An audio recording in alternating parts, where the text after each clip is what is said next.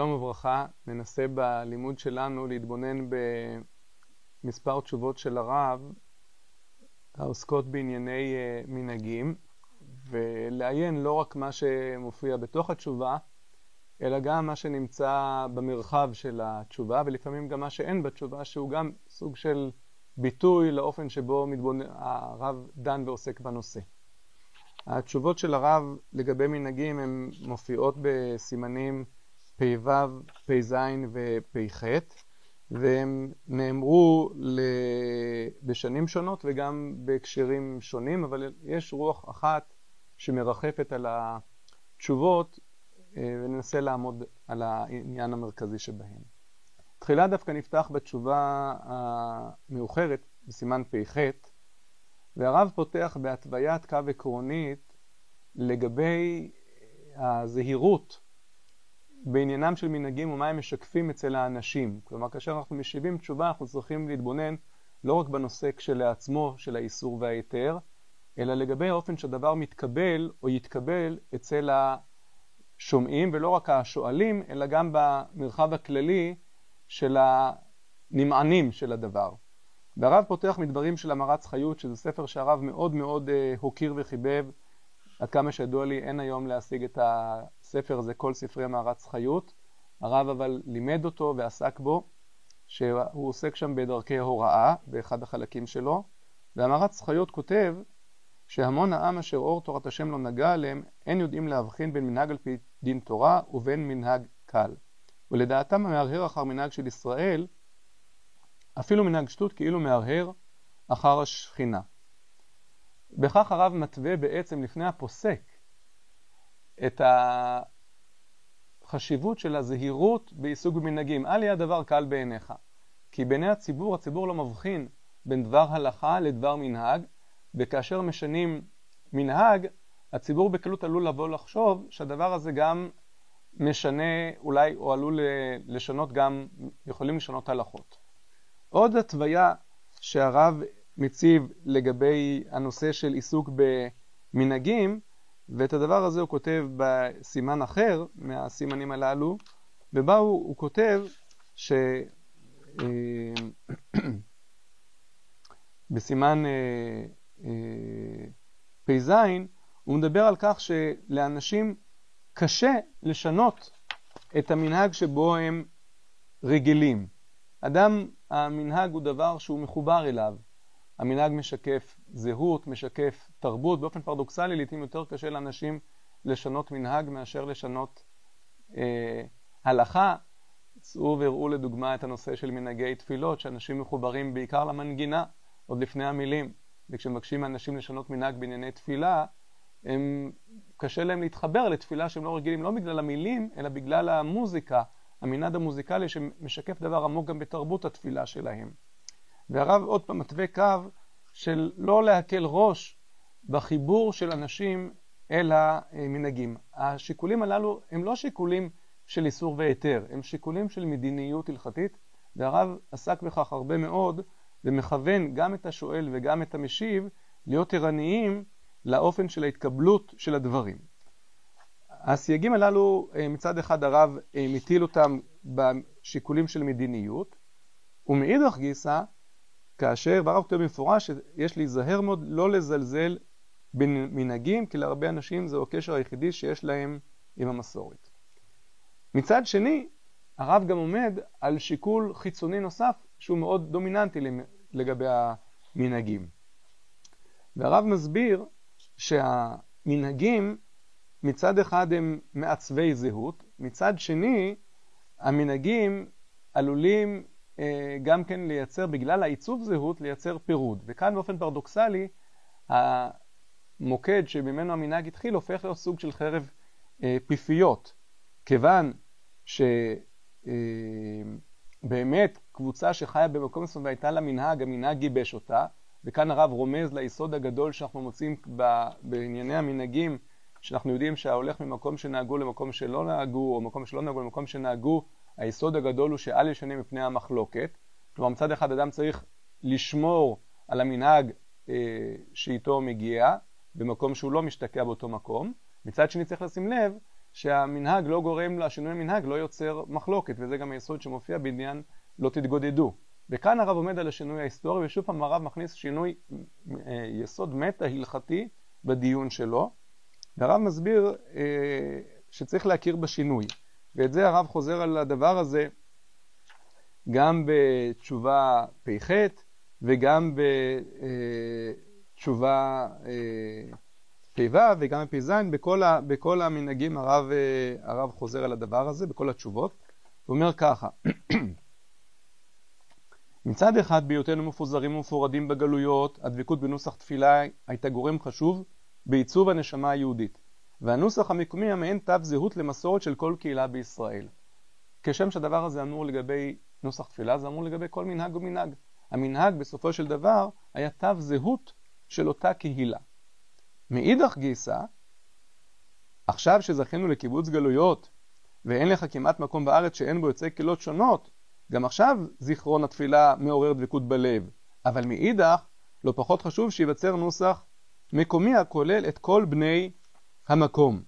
ושוב פעם הוא חוזר על זה גם בין איש לאשתו, בציבור של קיבוץ גלויות, וכל שכן בין איש ואשתו, אם כל אחד יקפיד על המנהג שלו דווקא, אין לך גורם פירוד יותר מזה.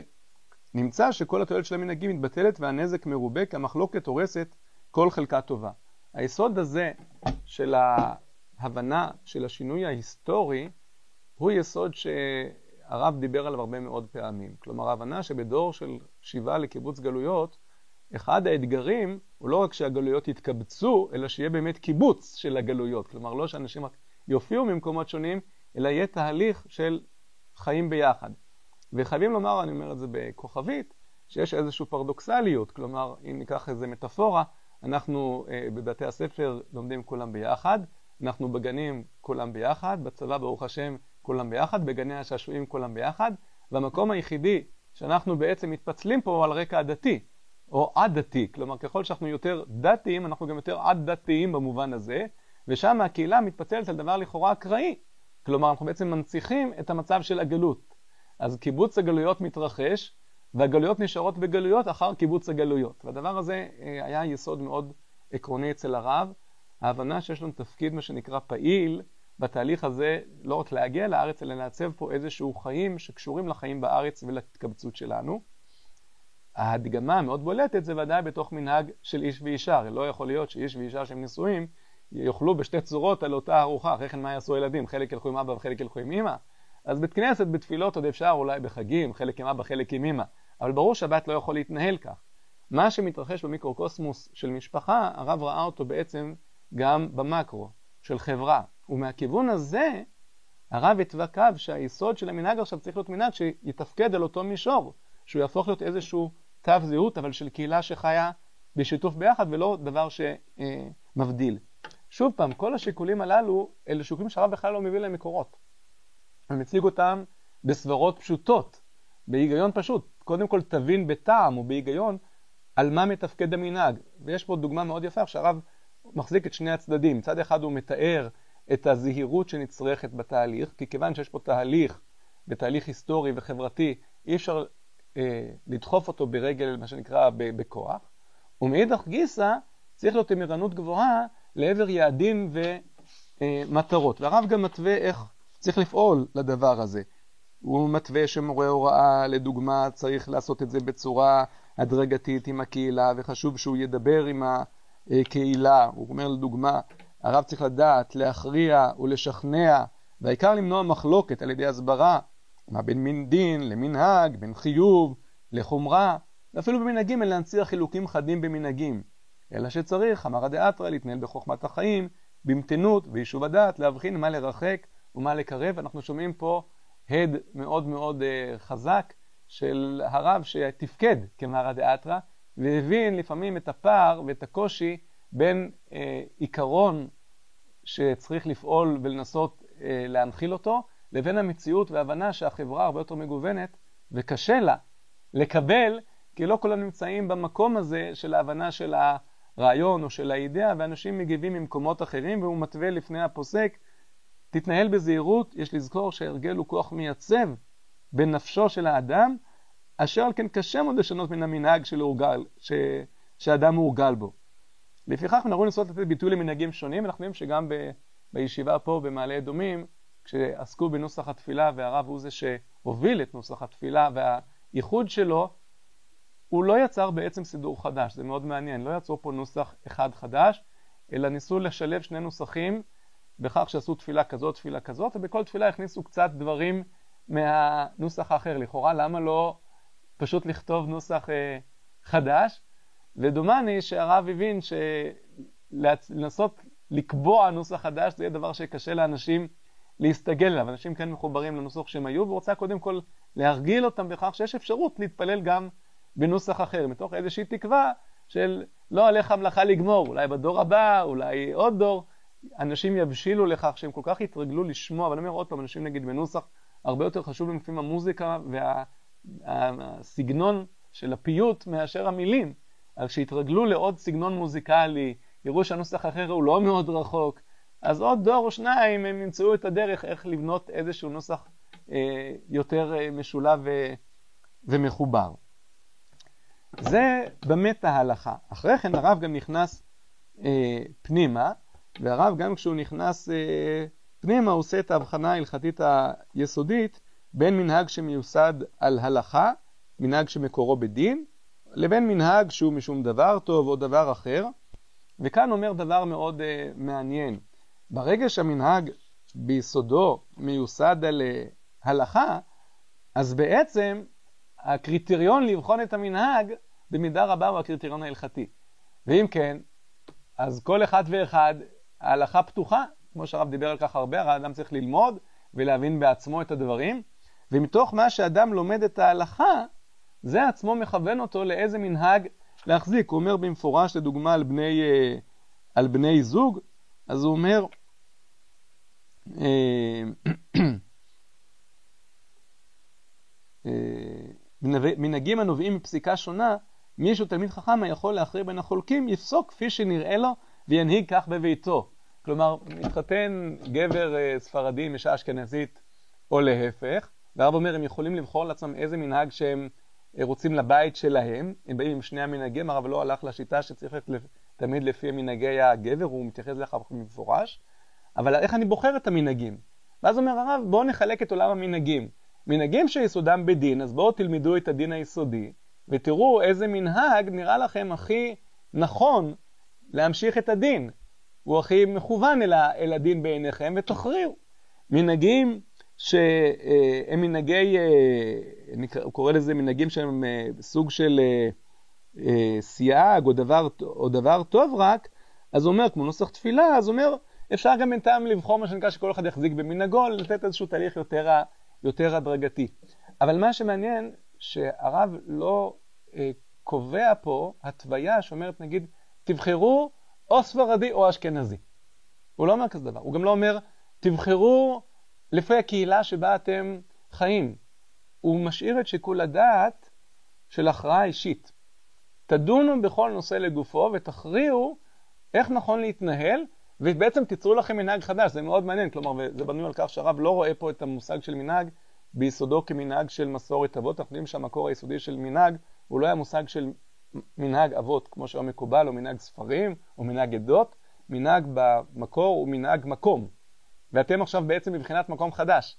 כיוון שאתם מקום חדש, אז אתם מתווים ובונים לעצמכם בעצם איזשהו אה, מנהג של המקום. כמובן שאתה חי במקום, אתה בוח, בוח, בוחן לאיזה מקום אתה גם אה, משתייך. אבל השיקול הוא שיקול מאוד ענייני לגופו של עניין, וזה לא קל, כי הרבה יותר קל אה, להחליט שבוחרים אה, או נהיה ספרדים או נהיה אשכנזים, אבל הוא לא, הוא לא עושה הוא לא עושה את ה... אה, קלים, והוא מסביר למה. כיוון שאנו חיים בתקופה של קיבוץ גלויות ויצירת קהילות חדשות, ועדיין לא גובשו מנהגי המקום, לפיכך ניתן לקבוע מנהגים מחדש. וכל מנהגי ישראל מכל עדות יש להם על מה שיסמוכו. כלומר, רואים שבעצם מה שמרחף כל הזמן מעל התשובות הללו, הוא ההבנה שהשינוי של קיבוץ הגלויות הוא שינוי בקנה מידה היסטורי בעצם, שמאפשר חשיבה מחדש על כל המערכת. בעניינים הללו כמובן. וזה לפעמים בדיוק להפך מקו אחר לפעמים של מנהיגים שיבוא ויאמר, לא, כל מה שאני צריך לעשות זה עד כמה שיותר להחזיק במנהג ההיסטורי. אני נושא על גביי תרמיל היסטורי, אני נושא על גבי את המשפחה, את העדות, את הקהילה, והנושא הזה, עכשיו הרב לא מדבר פה על כור היתוך במובן של בן גוריוני, כלומר בואו ניקח את כולנו, נעשה מזה איזושהי קציצה אחת, ונשטח את כל המנהגים למנהג חד גוני. הוא במפורש לא אומר אדרבה, בואו נמזה, ניקח ונמזוג לתוך זה איזשהו תהליך חדש. התהליך הזה הוא מאוד קשה, כי נוח לאנשים, כמו שהרב אומר, להיות במקום שהם היו רגילים אליו.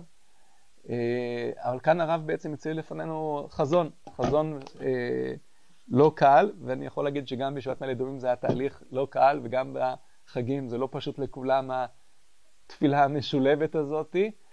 אבל בסוף הרב אומר, אם אנחנו עם אחד, אנחנו לא יכול להיות שההלכה היא זאת שבאופן אקראי תפצל אותנו מלהיות עם אחד, רק בגלל שהיא מנציחה את החיים של הגלות, אחרת מהו קיבוץ גלויות שאליו אנחנו חותרים. עד כאן.